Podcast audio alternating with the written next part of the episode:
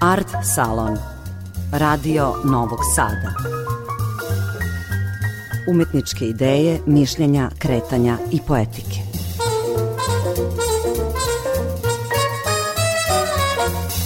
Dobroveče. Ja sam Tatjana Novčić-Matijević. Počinje Art Salon, emisija za kulturu, poslednja u ovoj sezoni. I večeras zaokružujemo priču o poziciji, percepciji i recepciji kulture danas. Naime, u protekle četiri godine u 12 evropskih zemalja obavljeno je obimno istraživanje na reprezentativnom uzorku o kulturnim potrebama i navikama građana.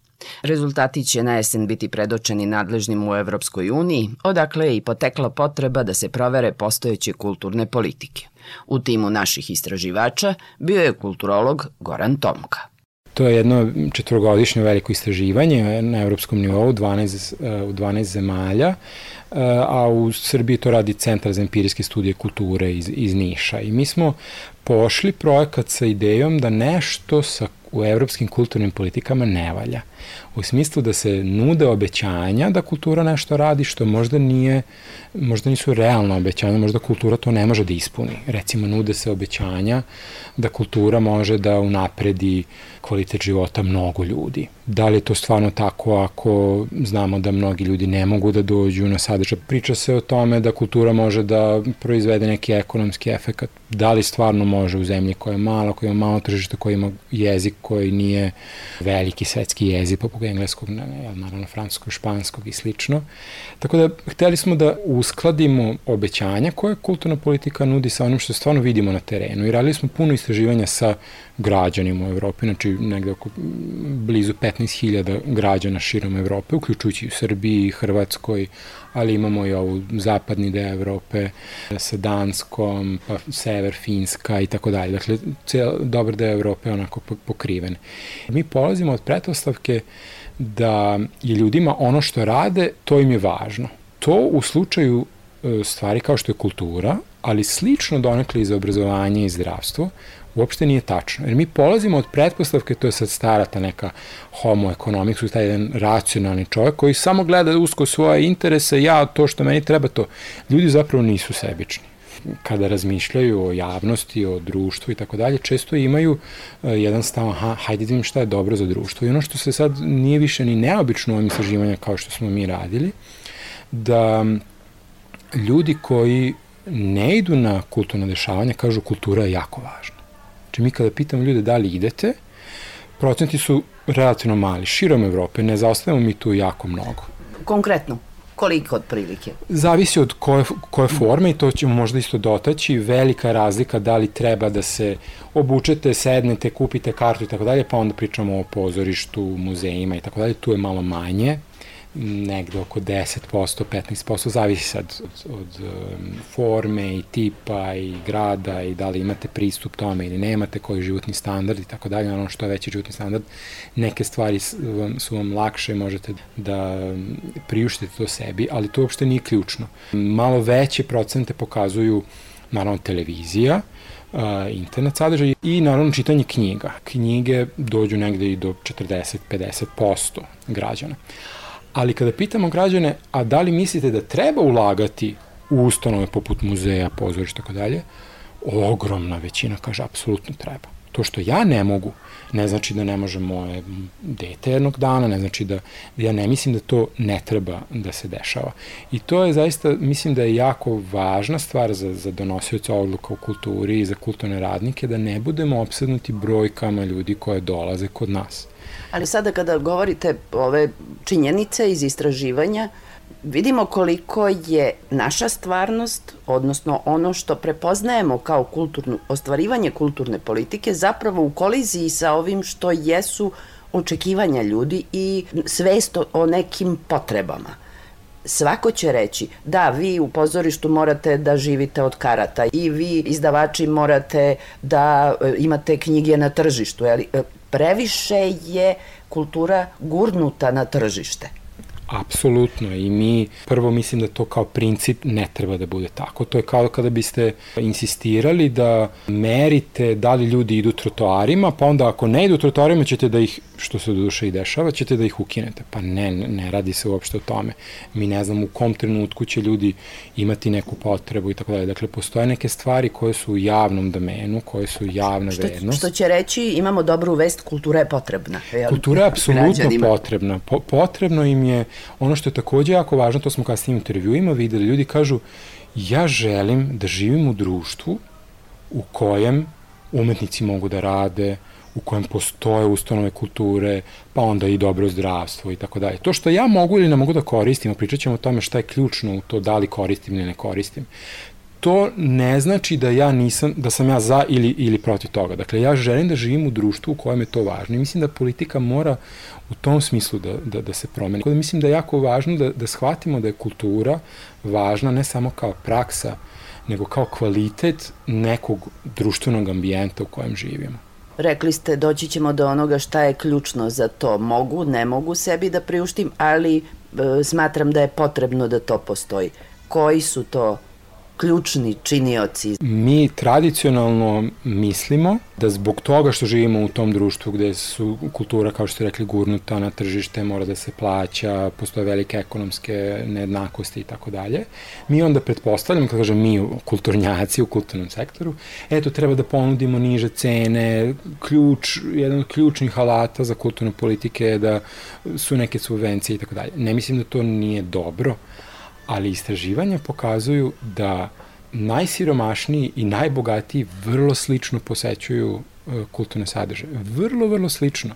Ono što, što određuje da li će neko ići na kulturne sadržaje ne, e, u smislu para je jako malo značajno. Dakle, pare nisu određujući e, faktor. Ono što smo takođe dugo uvreženo bilo, ne imam društvo, imam društvo, to takođe ne igra neku značajnu ulogu. Obrazovanje se dugo priča da jeste važno i ono jeste donekle važno, ali iz intervjua sad još pokušavamo da, da razumemo šta je ključno. Čini nam se da nije toliko to da li ja mogu da nađem, da li mogu da razumem sadržaj i tako dalje, već postoji jedna vrsta navike kod ljudi koji su obrazovani, navike jesu važne. Ali ono što nam je zanimljivo bilo, ključna determinanta za to da li neko posećuje i koliko često posećuje sadržaje, da li ima vremena ili ne.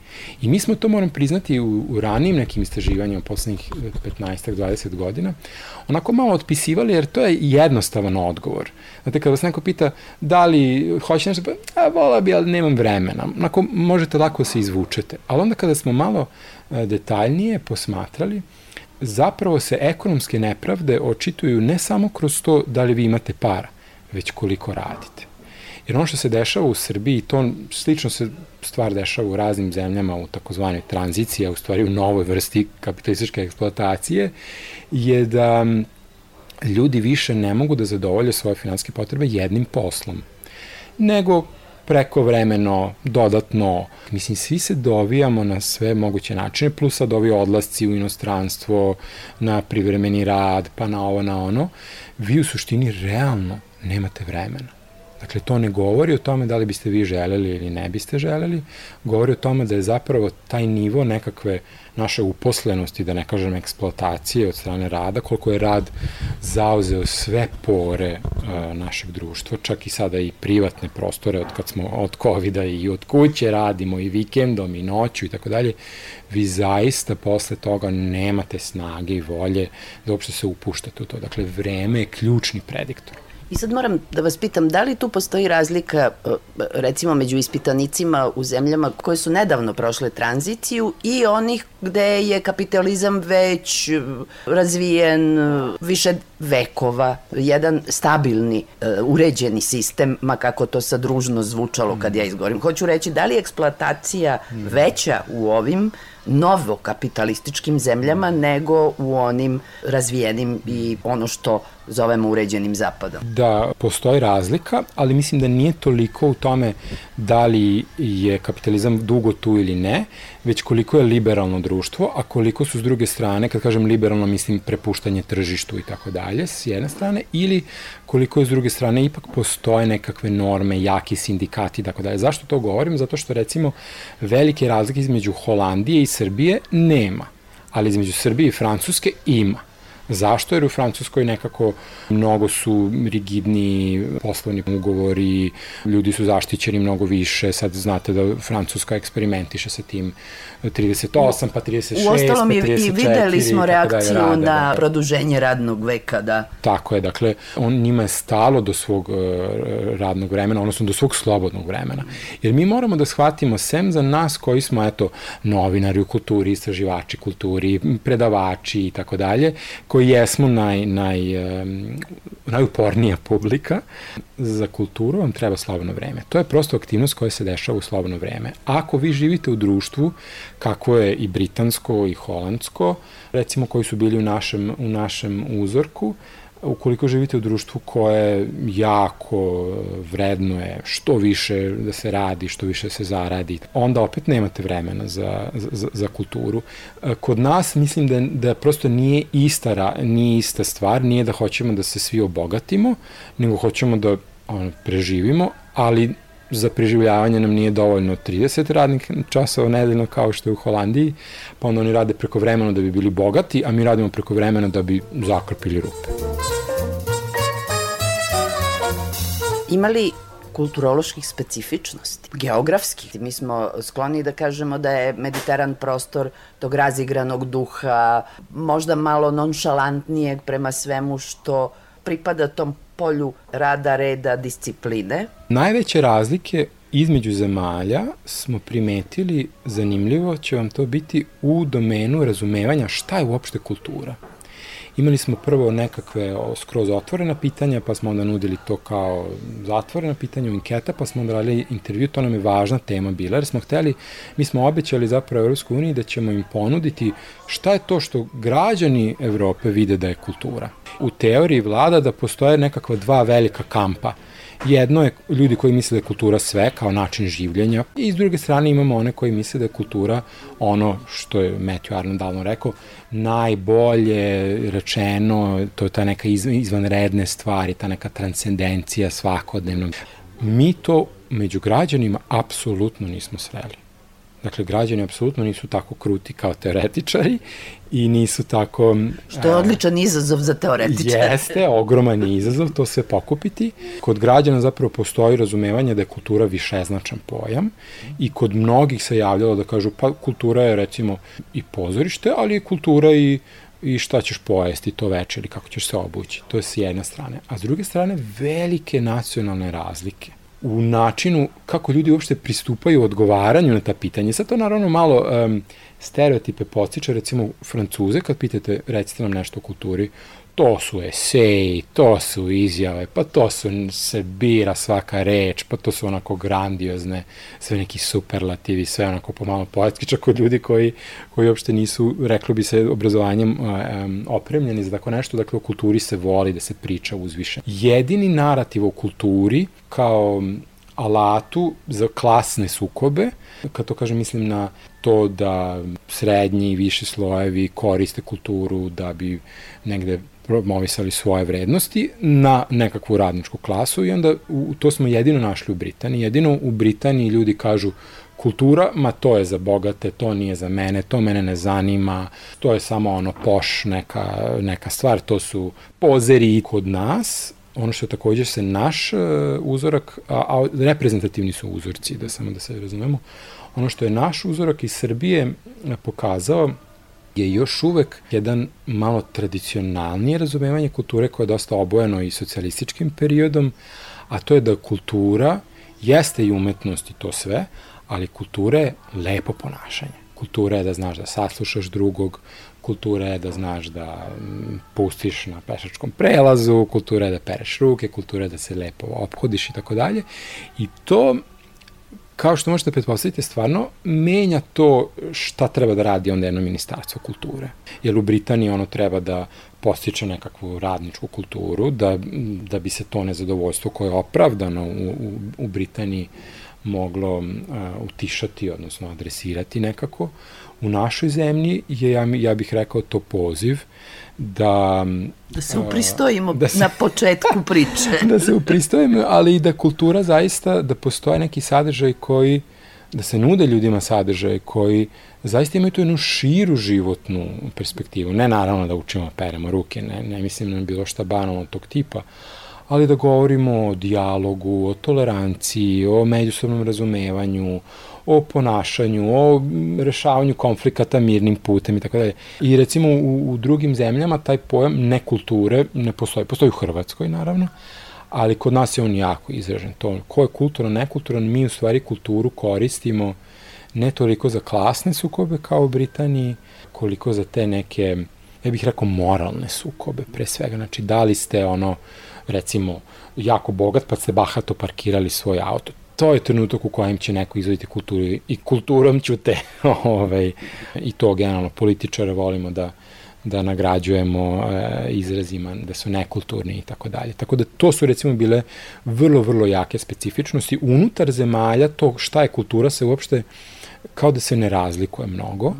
Mnogo više se razlikuje od zemlje do zemlje, što dovodi u pitanje recimo međunarodnu kulturnu politiku, EU kulturnu politiku, UNESCO i Ujedine nacije i tako dalje. Sad, kako voditi kulturnu politiku kada imate na terenu ljude koji sasvim nešto drugo očekuju od kulture?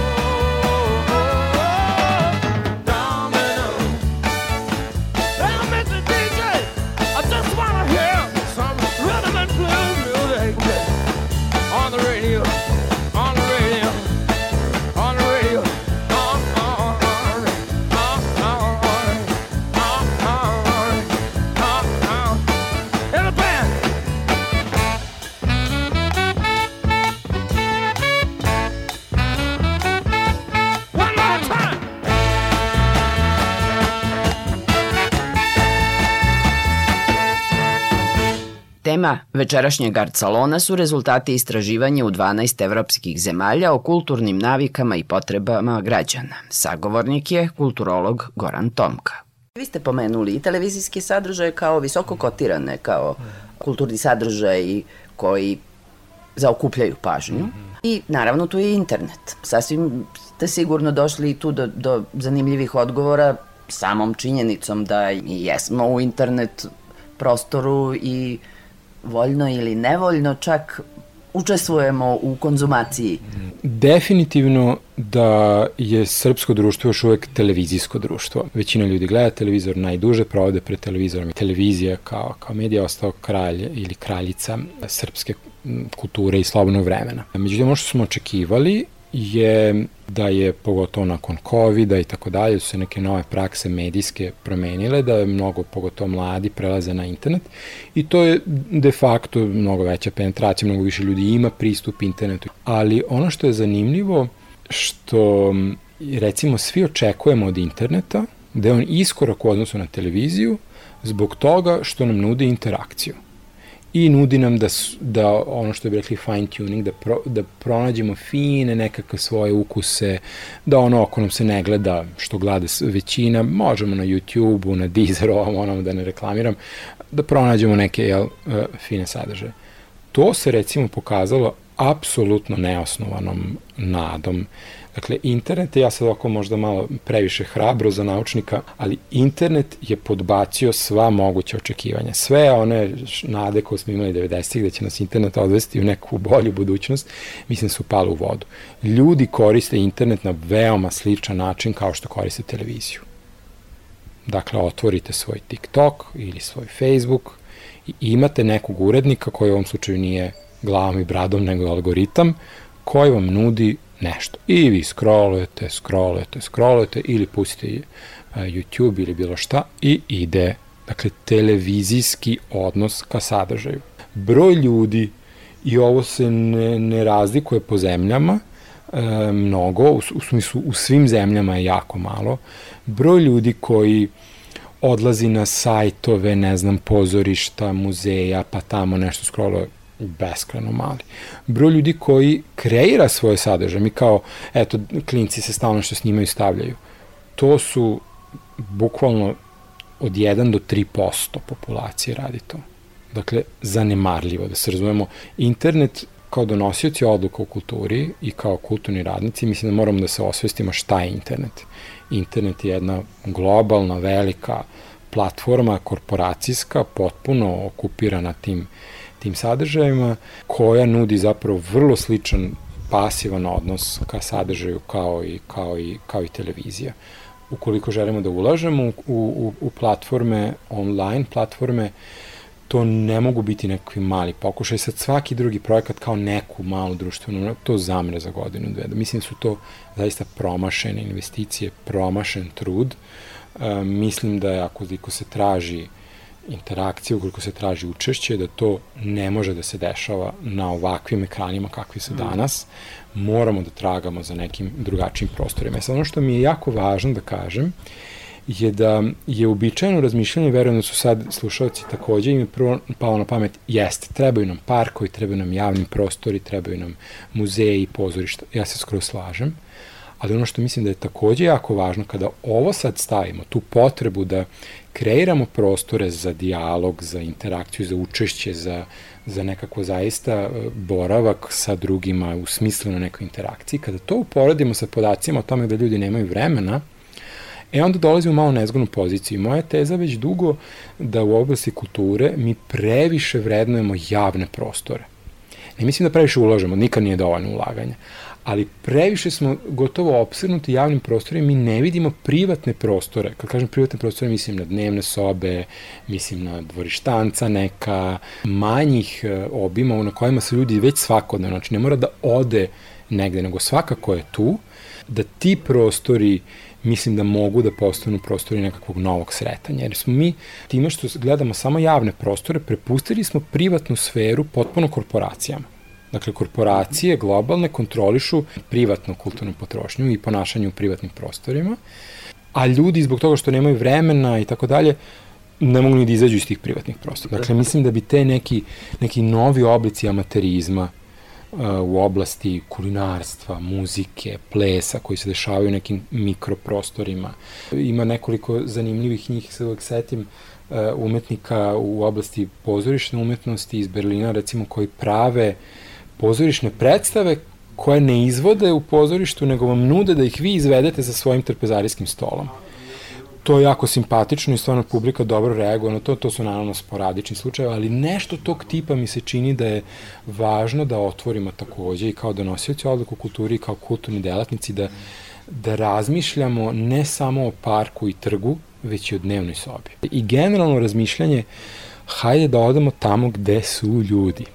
Mislim da je to Možda to nekom zvuči kao ni podaštavanje kulture i tako dalje, ali mislim da je, ukoliko zaista iskreno želimo da dođemo do ljudi, da je traganje tih, za tim prostorima gde su ljudi već, gde ne, mor, ne moraju mnogo da promene svoj dan i to, ne znam, unajme baku, deku, babysitera da im čuva decu i tako dalje, da bi mogli da učestvuju. Dakle, mislim da su to jako važne stvari, da, da probamo da, da osvestimo te prostore kao prostore kulture i prostore nekog stvaranja, uključujući još jednom, moram taj amaterizam, pomenuli smo ga skroz zaboravili, to zvuči sad amater je sad diletant, bezveznjaković i tako dalje, to moramo isto da promenimo, mislim da je svako ulaganje u, u, u tu neku neprofesionalno kulturno izražavanje uh, se jako mnogo isplati. I kada će istraživački tim izaći sa konačnim činjenicama koje bi moglo da ponude onima koji odlučuju koji, koji no. vode kulturne politike, pretpostavljam da i to jeste jedan od ciljeva. To je apsolutno ključni cilj e, istraživanja i celog projekta. Istraživački deo se završava do za mesec dana, na jesen očekujemo prve rezultate. Ti rezultati su često onako možda malo naučni, pa ih je, možda nije toliko jednostavno pratiti, ali zbog toga smo uh, pokrenuli i nešto što zovemo inventar kulturnih politika, odnosno alata za kulturne politike, u kojem ćemo zaista na jedan pa da kažem, prijemčiv, možda ne baš popularan, ali prijemčiv, razumljiv način, ponuditi delatnicima u kulturi, donosiocima odluku, različite primere, mi smo radili dosta studija slučaja i primera i tako dalje i ove sve nalaze ćemo tamo objaviti, da zaista neko ko kaže ok, ja želim da kultura u mom gradu bude pristupačnija mi mu nudimo različite ideje i alate i pristupe, instrumente, nalaze i tako dalje, da mogu to da, da urede. Dakle, nudimo taj besplatno, naravno, sadržaj kao neka podrška onima koji žele kulturu da učine inkluzivnijom, pristupačnijom, demokratskijom.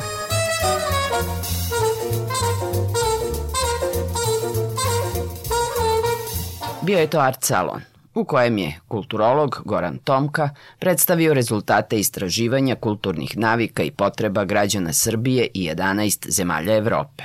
Naredni art salon emitovaćemo nakon letnje pauze.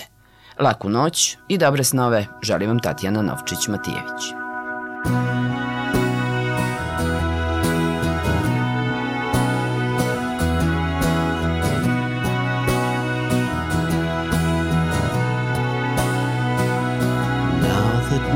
Mountains of meaningless words and oceans divide us. And we each have our own set of stars to comfort and guide us. Come into my sleep. Come into my sleep. Dry your eyes and do not weep. Come into my sleep.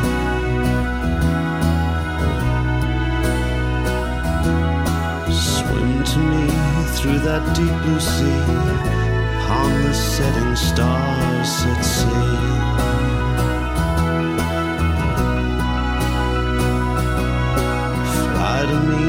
Through that lovelit night. From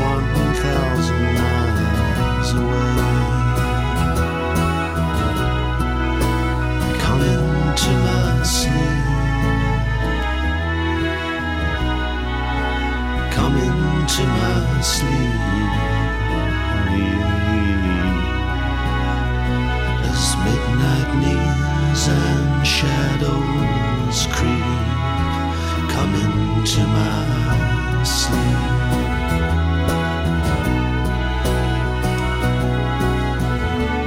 Bind my dreams up in your tangled hair. I'm sick at heart, my dear.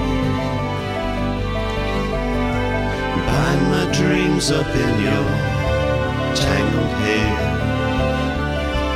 All sorrow, it'll pass.